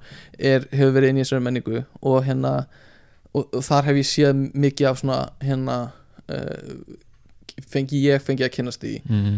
og náttúrulega líka bara einhverja bíómyndir en aðalega þar Mhm. og þetta er kannski fólk sem þú veist sem er að finna sér einhvern hóp þannig Mhm. og það verður bara rosa svona sterkur og sterk hópa mynduna það Mhm. og eitthvað svona samfélag það sem þú passar inn já, og ég held að það geti gleift mann rosa mikið sko, bara á góðan hátt sko. já, sko ég ég kann alltaf að meta það þegar fólk á sér áhugamál og Mm. á, sem eru veist, alveg áhugamál. Mhm. þú veist, það þarf ekki að vera eitthvað einhver íþrótt eða eitthvað þannig, það er bara, Já, þú mátt hafa áhuga á sko ryggsugum, þú mátt sökva þér ón í ryggsugur Mhm. og hérna veist, ég, ég bara virði það. Mm. veist, ég bara kann að meta það að þú þér ón í eitthvað að- Gæti það verið uh, vísbendingum um eitthvað djúft eh, svona sem kannski skrítið sem er að að eru ríksugur í alvörunni sem þú hefur áhuga á? Um, ég, ég veit það ekki ég skilur eitthvað meina, þú vilt bara fagna því, þú skilur bara ríksugur er alveg svona hvað ætli hafi kveikt þennan áhuga? Já, algjörlega það, það, það býr til spurningar sko. Reyndar, við ein, hérna þegar við vorum vinn í hagaskóla ég ætla ekki að segja ómikið en piltur sem við gætum hafa komist í samskipt við hann elskaði uh, svona litlar uh, ruslatunur ok, mannst eftir þessu? Nei. Allan að það var strákur í hagaskóla sem bara þetta voru bara veist, alltaf ef hann átti að fá velun fyrir eitthvað eitthvað svona, hann hæði þessi vel eitthvað Mhm. þá vildi hann alltaf fá svona litla ruslatunur eins og Reykjavíkuborg uh, framleiðir ok, og hérna veist, kom í alls konar litum og já, já, bara, það var bara eitt hans helsta áhugamál. Að sapna þeim. Og voru að sapna svona litlum ruslatunum. Ok, nice, þetta er bara svona lítil útgáfa af ruslatunum sem já. með heima hjá þér. Akkurat ég sé þetta. Uh, sem finnst mjög áhugavert sko. Það, auðvitað er, auðvitað er svona uh, kannski fín lína á milli einhver sem er bara árátta mm. uh, og svo eitthvað sem er bara mikið áhuga mál mér, mér, Já, klála og ég vil ekki grípa ómikið fram fyrir þér en ríksu áhugamál hljómar eins og árátta sko. um, en ok, Ok. gefum okkur að það sé bara eðlilegt áhugamál en, þú Já, já, þú veist, ok en það er náttúrulega margir sem að hafa kannski ok, ok, ríksögur er kannski svolítið svona uh, íkt en bara tækni, bara þú veist, Mm. nýjustu símar Mhm, eða nýjustu sjónvörp þó að mhm. þú eigir bara þitt eina sjónvarp þá er Já. þetta alltaf að pæli því hver eru nýjustu Einmitt, einmitt. um, bara, go, go all in sko. Mhm. Maður kann að meta það sko uh, Varstu með meira?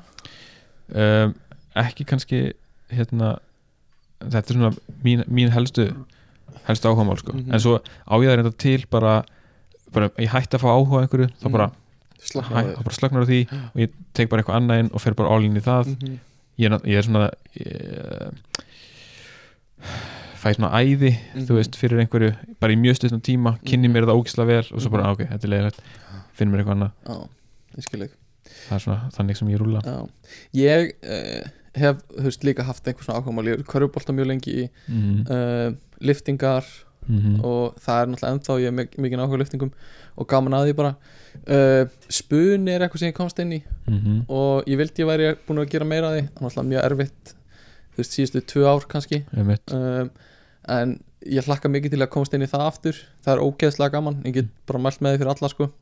Þú þarft ekki að vera fyndin til að í spuna. Það er mikill miskilningur uh, það er hérna ekki krafa, eitthvað svona, ó ég var aldrei fyndin ég er ekki fyndan típan ég geti aldrei verið fyndin fyrir framfólk það er, það er ekki það sem þetta, sem áherslan liggur í spuna sko. bara fyrst og fremst að hafa gaman. Uh, og þú veist ég er bara að hoppa yfir alls konar þú veist, forrita finnst mér líka alveg gaman að gera.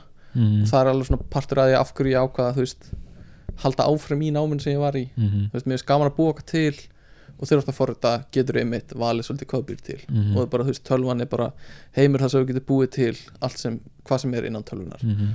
þú veist, þú ert þú hefur tækifæri til að móta einhvern veginn leirin sem tölvan er skilur -hmm. um, en svo er ég líka alveg mikill svona neytandi á afþreyingarefni mm Mhm. þú veist, sjónvar uh, bíómyndir og þætti -hmm. og þú veist, YouTube uh, content eða Mhm. efni -hmm. uh, ég er alveg mikill neytandi þar og ég myndi alveg segja að þú veist óneitanlega hægt að flokka það sem einhvers konar áhuga mál ok uh, og þú veist, maður hefur ég, svona alls konar trivia tengt því þú veist, veit maður alveg óþarlega mikið um sko -hmm. um, þó, þú veist þó, kannski ekki svona, svona háklassa hérna vittneskja um bíómyndir eða eitthvað svona um leikstjóra sem voru á sjö, sjönda áratögnum eða eitthvað nei, nei, nei. en bara svona uh, bara svona hérna uh, þú veist, contemporary bara nútíma listamenn Mm. reynir maður svona að fylgjast vel með uh, en að, líka bara búa eitthvað til almennt, skapa Mhm. finnst mér bara mjög gaman Mhm. og þú veist, í hvaða formi sem það er að teikna uh, og þú veist, taka upp veist, bara lengi þegar ég var krakki voru ég og bróður minn að búa til þú veist, myndir, bíómyndir og eitthvað svona Mhm. um, og svo þetta, þú veist, að komast inn í podcasti líka uh, mikil svona sköpunar svona hérna orka sem ég næði að losa þar sko Mhm. um, og bara ég væri til í að þú veist, framlega bíómyndir og eitthvað svona og ég hef mjög gaman að ég að gera myndbönd Mhm. uh, þannig að ég myndi alveg segja að það var áhugamál en mikið af þessu er eitthvað sem ég hef ekki alveg náð að sinna þú veist, kannski mastersnáminu og en svo hefur maður fengið svona tækifæri eins og í BS fekk ég tækifæri til að gera alls konar myndbönd og framlega efni og eitthvað svona Mhm. þannig að ég reyna að grípa öll tækifæri sem ég get til þess að einhvern veginn uh, þú veist, grípa þessi áhugamál og, Mhm. og, og, þú veist fá plattform fyrir þau Mhm. um, en eins og þetta podcast sem við erum að gera núna þú veist, við erum bara ég bara gera það út af því að mér finnst það gaman og það er áhugamálum mitt, skilur við Mhm. við erum ekki að gera er það út af því að þú veist, við erum ekki að gera það út af við erum að fá einhverja bila á hlustinu, við erum ekki að gera það út af því að einhver peningur í því eða eitthvað svo leiðis, það er bara pjúra uh, við erum ekki að fá neina aðtekli út af það heldur, skilur við það er bara pjúra út af því að okkur finnst um, mér finnst gaman að gera það og Mhm. þeim sem eru koma með mér finnst gaman að gera það. Mhm. og þú veist, ég vil ekki fá, hafa neina í podcast nema þeir hafi áhuga á því að vera með skilur um, og, og finnst það gaman. Þannig að hérna það er mjög stór partur áhuga málunum mínu þessa dagana er, er svona podcast dæmið sko. Uh, sem er mjög fyndið af því þú veist vegferðin á þessu podcasti var fyrst og fremst bara hvað er að frétta í mastersnáman okkar úti? Mm -hmm. fyrir fólk sem var á Íslandi og við vorum í Hollandi og vildi fá að vita hvað við vorum að gera úti. Uh, og þú veist uh, já og, og það var ekki hægt að tala það er kannski heila þátt bara um það. Þannig að við fórum að taka inn eitthvað svona þú veist, topic líka til að fylla upp í. Uh, og fyrstu þættina okkar er náttúrulega þannig og svo fór þetta bara að þróast eitthvað út frá því. Uh, og hjælt bara áfram að því þetta er varð áhugamál eða þú veist, mér finnst það gaman að gera þetta. Við vorum náttúrulega með podcast í gamla daga ég og þú, jú, jú, jú. sem hétt Fordómar. Og við höfum mögulega talað um áður Já. uh, sem átti að vera þú veist að gaggrina bíómynd áður en við horfum á hana og svo tala um hana líka eftir við horfum á hana Mm og sjá hvort að þú veist að myndi eitthvað standast sem við töluðum um uh, það væri alveg gaman að taka annan þannig eða þú veist gera eitthvað smá veist, meira þannig -hmm. uh, ég veit ekki hvort að maður myndi kannski byrta eitthvað staðar undir öðru nafni eða einhver staðar annar staðar eða, eða hér en við vorum alveg snemma á podcastvagninum sko. Já, já, mjög snemma og það er líka bara partur að því að þú veist gaman að skapa eitthvað sko. Vorum, Við segjum bara við sem fyrsta íslenska podcastið Já, sko. klálega, við erum fyrsta íslenska podcasti sko. en þú veist uh, að það hefur, mér hefur alltaf verið fundist gaman að búa eitthvað til, Mhm. gera myndbönd gefa eitthvað út En heldurðu að Þess- Ok, þú segir að forritun sé mm hérna, þú veist, þú kallar það alveg áhugamál Já. Heldurðu að þú uh, þú veist, ertu alveg sátt við það að bara vinna við það uh, Já, já, en það er náttúrulega líka eitt sko forröndinu sem þú ert að gera í vinnunni og líka forröndinu sem þú getur gert sjálfur sem áhugamálið þitt. Já, stundum skarast það, stundum er það algjörlega ótengt. Mm uh, ég get alveg sé fyrir mér að vinna í einhverju sem ég myndi ekki endilega veist, telja sem áhugamáli mitt og gera utan vinnutíma skilur -hmm. en það er samt forröndun og svo er ég kannski með annað forröndunarverkefni sem ég ger utan vinnutíma því mér finnst það gaman já, og ég er að búa eitthvað til. Um, en svo get ég líka alveg séð þess að tvo heima skarast og ég ger eitthvað í vinnunni sem ég bara mm. þetta er ógeðslega áhugavert, ég væri til ég að gera þetta aðeins á að borga fyrir já, ég skilji En þú nefnir alveg svona að slatta af áhugamálum Mm. þú veist, spuni mm -hmm. uh, einhvers konar sköpun, Mhm. gera efni podcast, mm forritun, bla bla bla Mhm.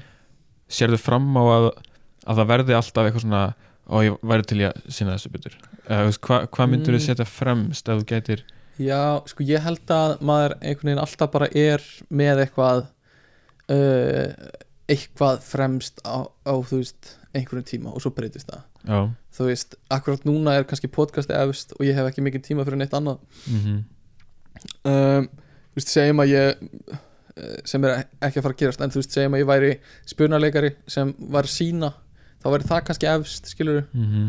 uh, og eitthvað svona ég held að myndi bara þróast sko, Já. og bara breytast og, en ég skil alveg hvað það meinar. Uh, það er ekki hægt að hafa allt alltaf, Mm þú veist, þetta er 100% ákvæmálið um, og, og það kannski veist, það kannski partur af því einhvern veginn að gera ákvæmálið þetta vinnu er að þú veist, þú þarft ekki að þú veist, frítímaðinum í það heldur þú getur nota vinnutímaðin í það. Já, þannig að segjum að, að hérna, við myndum allt í hennu fá þú veist, borga fyrir að gera þetta podcast kannski í 20% starfi.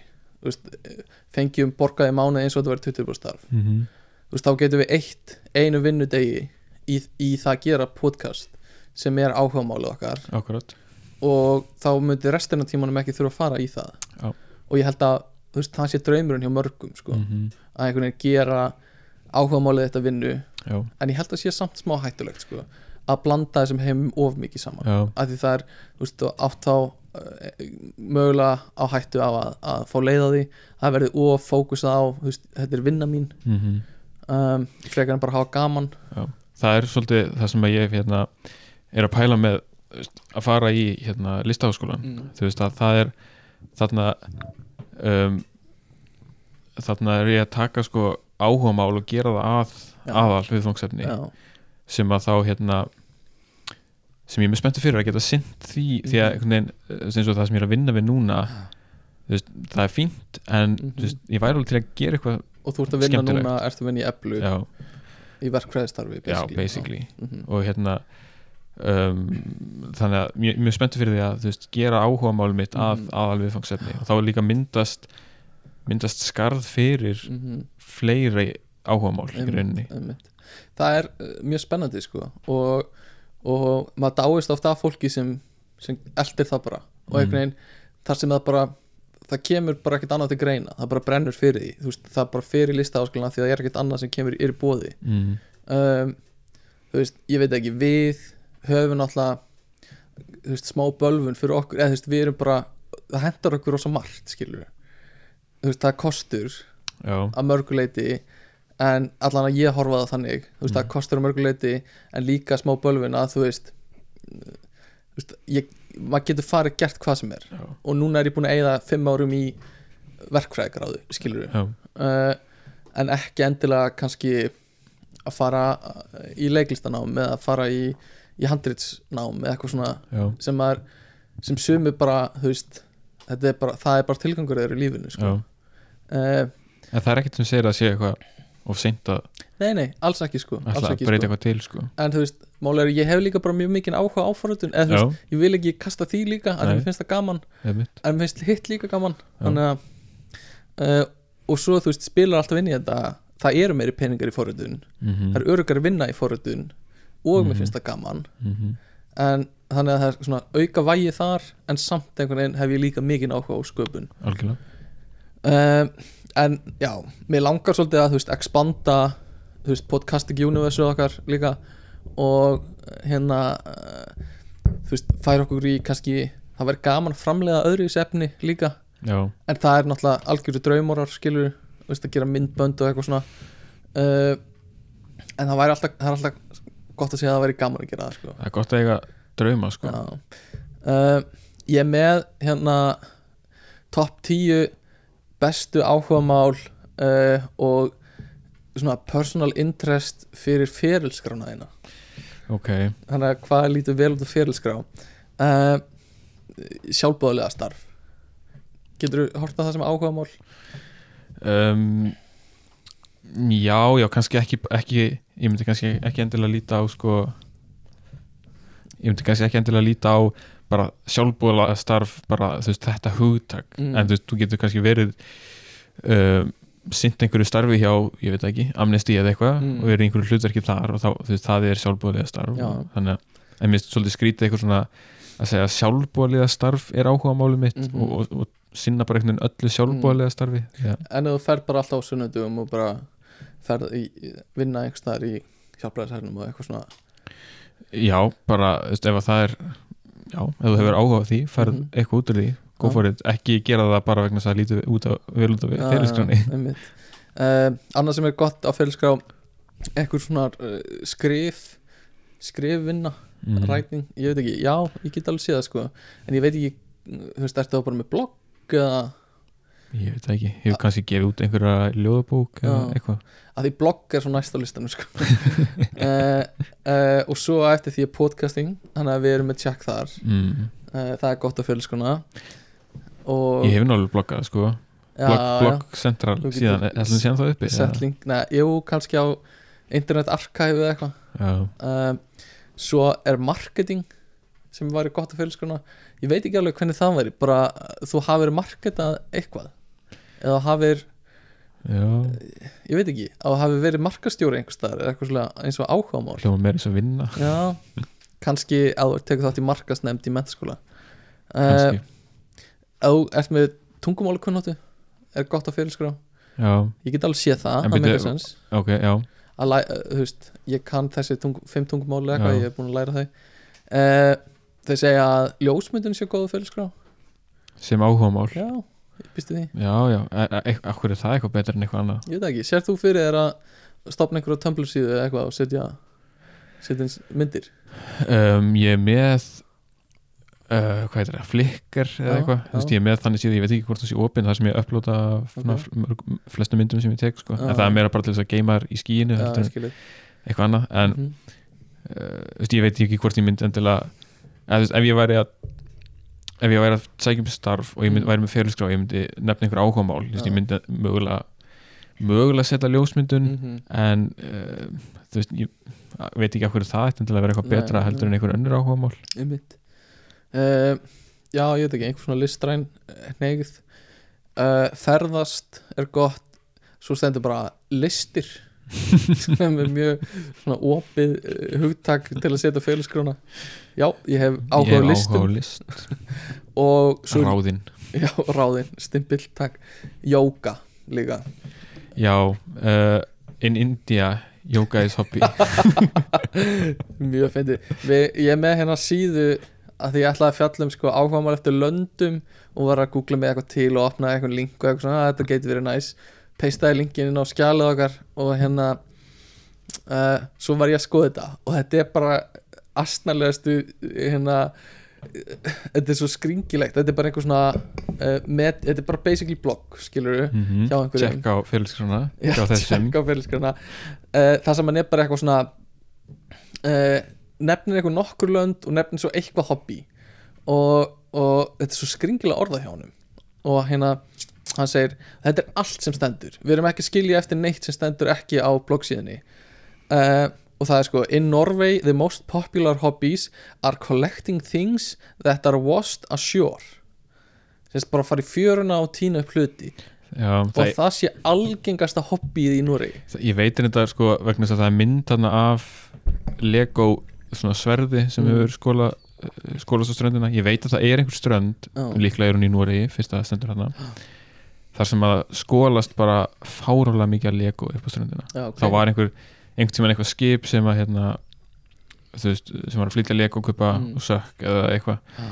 eitthvað kom fyrir og það er bara endalust að koma Ok. meira og meira á Lego já, já. og það er alltaf fólk sem er að fyrir hann að týna þetta upp Mm. en að segja að það sé algengasta sérstaklega þetta er einhver ein strönd í einmitt. Uh, það er mjög skrítið sko uh, svo segir the most popular hobby in the USA is baseball a team game with a bat and ball uh, youth is fond of this sport is fond of this sport.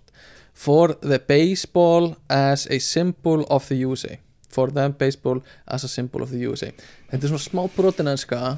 Ég var ekki hjálpað til með lesblindin að lesa þetta. Uh, en, en hérna en þetta er samt líklega allavega rétt Já, já. en mér finnst þetta hljóma smá eins og einhver svona uh, einhver svona grunnskóla En er, er þetta ekki bara einhver, þú veist, einhvers þar að læra ennsku og verkefni var bara að setja upp síðu Já, og skrifa eitthvað á ennsku það gæti verið og sko. við erum við erum að vera ógeðslega leiðileg nei, þú veist, ég bara skil ekki hvað, hvað þetta er sko. ef, ef það er ástæðan þá meikir þetta sens en ef þetta er bara einhver gæði sem sest niður hjá sér og bara, ok, ég ætla að skrifa grein í dag. Ég set ekki bóka, þetta er ekki einhver 38 ára náungi með, ok, eða, ok. eða kona með einhverja bloggdrauma sko. ok, það getur verið uh, svo segir hann að in India a hobby is yoga það er hobby í India nei, í Indlandi að stunda yoga the person who practices practices is relaxes observes improves his physical mm ég veit ekki hvað ég að segja. Ok. við erum bara, þetta er bara einhver sem kann ekki ennsku nú vel Ég en er samt að reyna Já, veist, að- ég veit ekki. Uh, ok. In Russia a hobby is video blogging creating videos for social networks. People take pictures of themselves and their lives.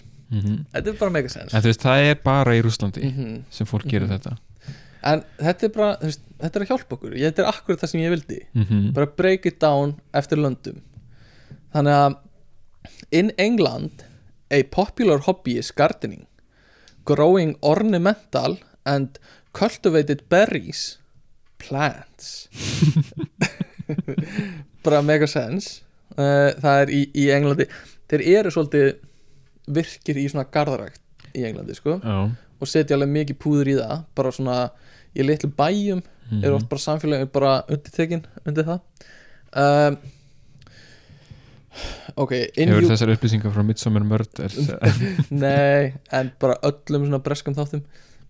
Uh, in Ukraine popular hobbies are sports. This is physical activity which will improve your health.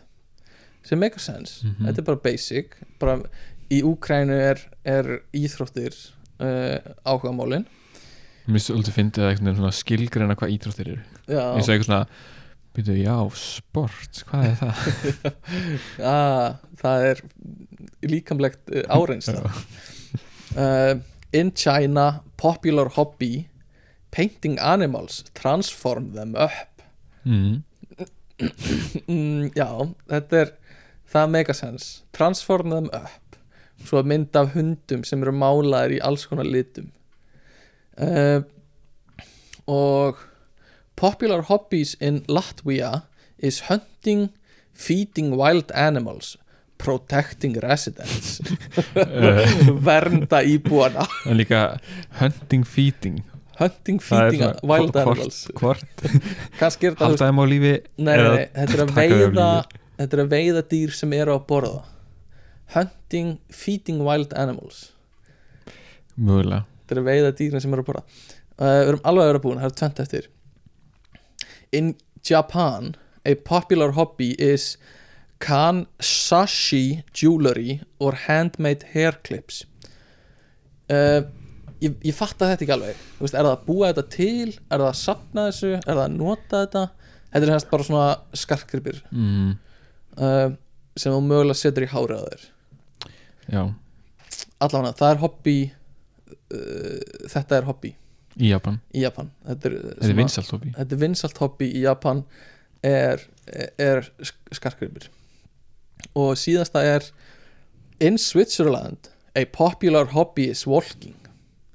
Active hiking. Mm.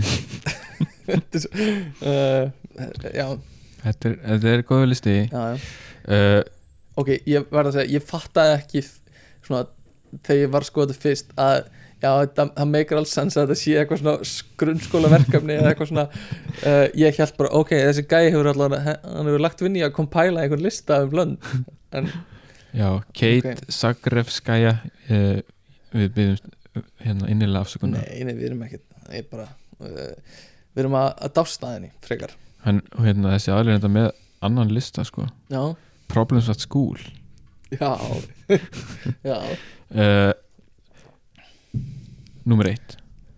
The most common problem at school is bullying. Já það er alveg hárrétt hjá henni sko. Það er líklega rétt sko. Já. uh, Já, heldur þetta sé byggt á gögnum eða heldur þetta sé bara hvað henni finnst? Eða honum, uh, hvað henni finnst? líklega henni en um, bara, byggt á gögnum veist- það er einhverju rannsóknum skilur það er alveg stórt að segja þetta sé stærsta vandamálið. Mögulega hefur hún tekið eitt Google. Mm, og, ekki bara eitthvað hún er lögð í einelti hún bara, ég ætla að búið til media postum þetta stærsta vandamálið í skólum er bullying. Uh, mögulega, mm, er þetta að segja. Ok, er eitthvað meira þar? um, Another problem is when a teacher and a student cannot find a common language and criticize. Scoffs at the student, humiliates everyone. Vá, And for this, the student does not want to learn his subject. ég, ég, ég held ándjóks að hún hafi lent í þessu sko Bara geta verið, sko.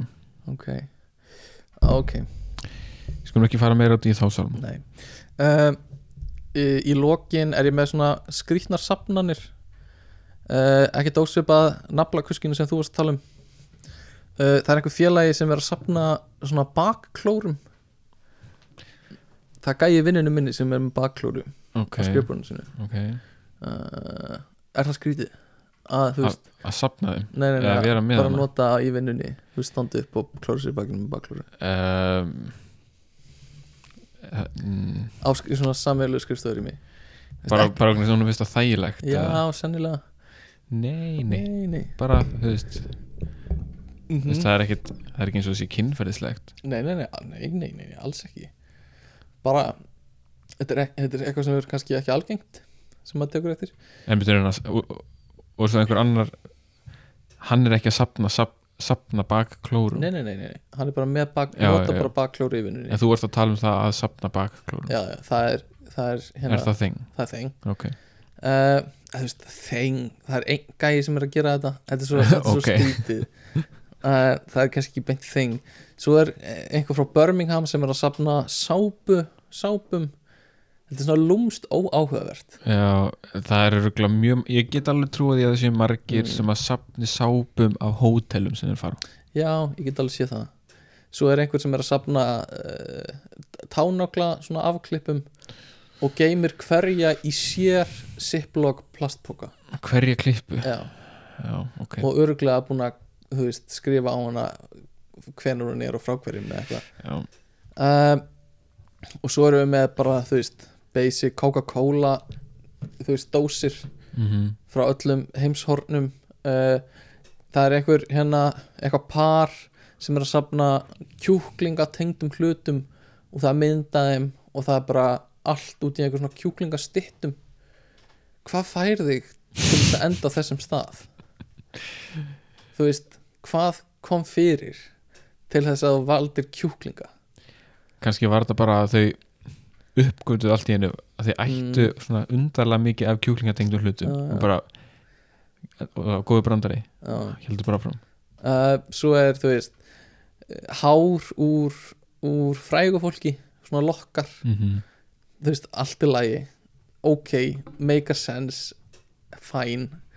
Dæmi uh, meikar það samt sens, meikar það bara sens vegna þess að þetta er frækt fólk. Já, þú veist, að ég veit ekki. Bara svona, ok, allt er góð ég get alltaf skilið af hverju einhver gæti haft áhuga á því. Mm. á einhver svona smá disturbing hátt. En þú veist, kjúklingar og hænur. Bara, bara húsið þetta er fullt. Bara bókstaflega fullt frá topp til táraði. Já, um, ok, hérna er aftur saman gæða þú varst að tala um.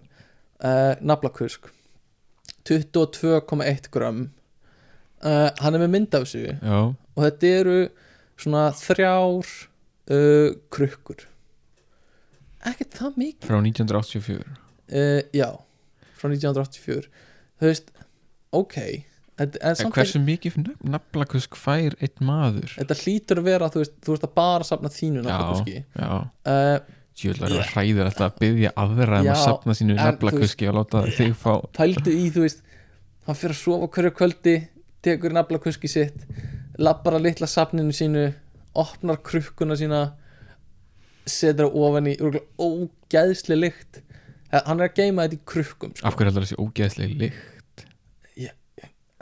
Ég held bara að það sé ógeðsli ég veit ekki, bara í hausnum á mér er ógeðsli lykt af þessu.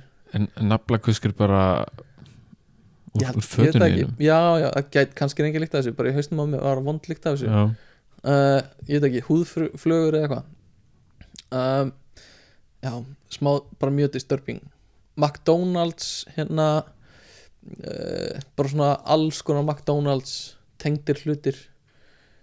Þú veist mér finnst það mér finnst það bara mér finnst það bara pathetic, segðu það Pathetic. bara.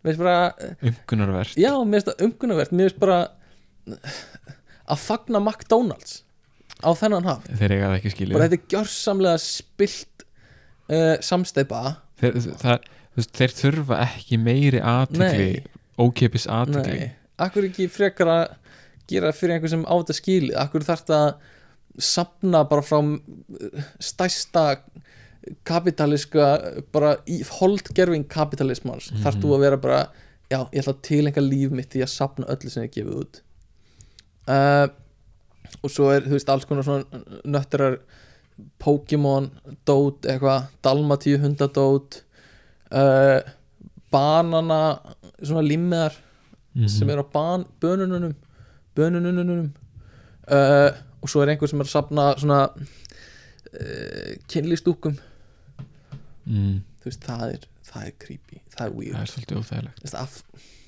þetta er all, bara allir hérna eru bara af hverju ertu að gera þetta? Mm -hmm.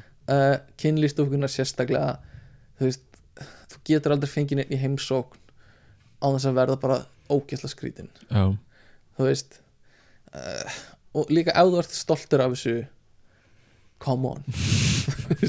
Hann á 240 kynlistúkur come on bara ok, fjölbyrðuleikunum hel- en þú veist, heldur að hann hafi notað allar? Nei. Ég held að sumar bara halda hann of mikið sumar bera hann öruglega of mikla virðingu fyrir til þess að gera. Uh, ok, eðlilegt uh, hérna uh, undirskriftir nei hérna einandra orður Einandraorðunir e eðlilegt. Já, já, ég get alveg skilið það. Frímerki eðlilegt. En þú veist come on ekki dúkkur, Barbie dúkkur það er fólk sem er bara með allt húsið sitt í því. Uh, En pældu samt í því eins og að sapna Ok, kannski bara eiginlega öllu já, á þessum lista. Sérstaklega, sko, ok, naflakuskið er bara eitthvað sem að Þú veist, þú tekur bara úr þínum eigin nafla. En kannski margt annað mm, Eða kannski fólk sem er að sapna einhver þínum eigin nafla.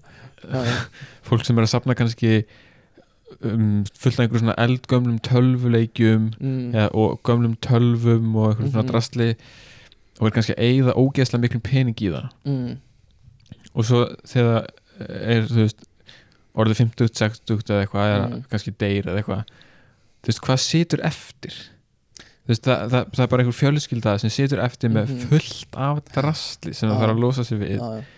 og enginn hefur áhugaði þetta er basically eins og að fá, taka við húsi af horter af því þú veist drastlið hefur jafnmikla þýðingu fyrir þig já, þar og þú veist þetta þú, það veginn þú gerðir einhvern veginn þetta var allt saman bara fyrir sjálfa þig Mhm. eiginlega, nema, Já. nema náttúrulega kannski að þú, þú spýr til sapn og Já. þú veist, lifir öðrum að sjá og eitthvað svona einmitt. en eins og bara eitthvað, einhver önnur áhumál bara eins og til dæmis einhver uh, hérna list eða þú veist, podcast sem við erum að gera eitthvað, Mhm. þú veist, þetta er alltaf það eru aðrir sem fá líka Mhm. að njóta, eða þú Mhm. veist ég, ég, uh, það er alveg stór parturæði líka fyrir mig sko. þú veist uh, þó að það sé bara mér fáir að hlusta þá finnst mér alltaf þú veist mér, mér þykir væntu að ég myndi ég myndi ekki nenn að gera þetta fyrir engan sko þú myndir ekki taka upp, setja það á kassetu og setja skúfu upp í skúfi, nei, skilur það er alveg partur af því einhver neyti efnisins, skilur Mhm. óneitanlega Já, já. uh, og ég vona að það hljóma ekki eitthvað svona fáralega eða þú veist, eitthvað of eitthvað mikið að ég vil að fólk hlusta mig en þú veist, Mhm. það er alveg partur af því, skilur Mhm. og líka að fólk hafi þú veist, gaman að því Já. að njóti þess, skilur En það er reyndar, ef við förum aftur í dæmi þarna með einhvern sem er kannski að safna tölvuleikjum og öllu Mm. því drasli að kannski að það sem skiptir meira máli er ekki það sem að, að náða að safna Já. heldur veist, hann kannski myndaði einhver sambönd í gegnum áhuga verið, máli það sko, og það er það sem skiptir meira máli í rauninni. það er góð punktur. Uh, svo er uh, ef við höldum bara eldsnögt áfram uh, naglar, safna nöglum safna uh, svona traffic cones uh, uh, svo er eitthvað gaur sem á stærsta kjólasafn í heimi sem er 55.000 kjólar sem hann á. Já, uh, hvernig komstu þangað? Þú, veist, þú mæntalega ekki kaupa einn og einn kjól í einu þú hefur keift einhverja heilsulur kjólu með eitthvað, já hlýtur að vera. Með 55.000 kjóla mm. hversu, hversu marga veist, ef þú myndir kaupa eitt kjóla dag já. hversu mörg ár myndir það taka? Já, ég, fullt sko. Svo er einhver sem er að safna uh, ælupokum úr flugvélum uh, uh, mjólkur flöskum er þetta notaðar ælupokar? Nei uh, Og þú veist Strókleður Strókleður safn Huge strókleður safn. Mm -hmm. uh, dú, Hérna er eitthvað með Do not disturb hotel Hérna merki. Ég skil þetta svo sem alveg. Þetta er eitthvað sem, veist smá brandari. Já, já og líka bara svona Þetta er frá þeim stöðum sem þú hefur farið á Já. Sannilega smá minnisvarði og þú veist, sömur kaupa alltaf eh, einhvern segul Mhm. í landinu sem þeir fari eða eitthvað svona, ég skil það alveg. En, en sumt skil ég ekki sko. Eins og, þú veist, tannburstasafn. Uh, uh, það, ég veit ekki, tengi ekki við það. Mhm. einhver sem er með hérna, þú, þú veist, 13 auðvitað tannbursta. Uh, allavega þetta er þessi listi búinn. Um, ég er að hugsa bara, eigum við ekki bara enda þetta? Jú. um, já, bara hafið samband og ekkert að frétta að gmail.com Instagramin okkar líka, ekkert að frétta podcast og uh, sponsor þáttanins í dag er hvað? Kate Sakrifskaya ok uh, já, ég held að uh, takk fyrir að hlusta yes.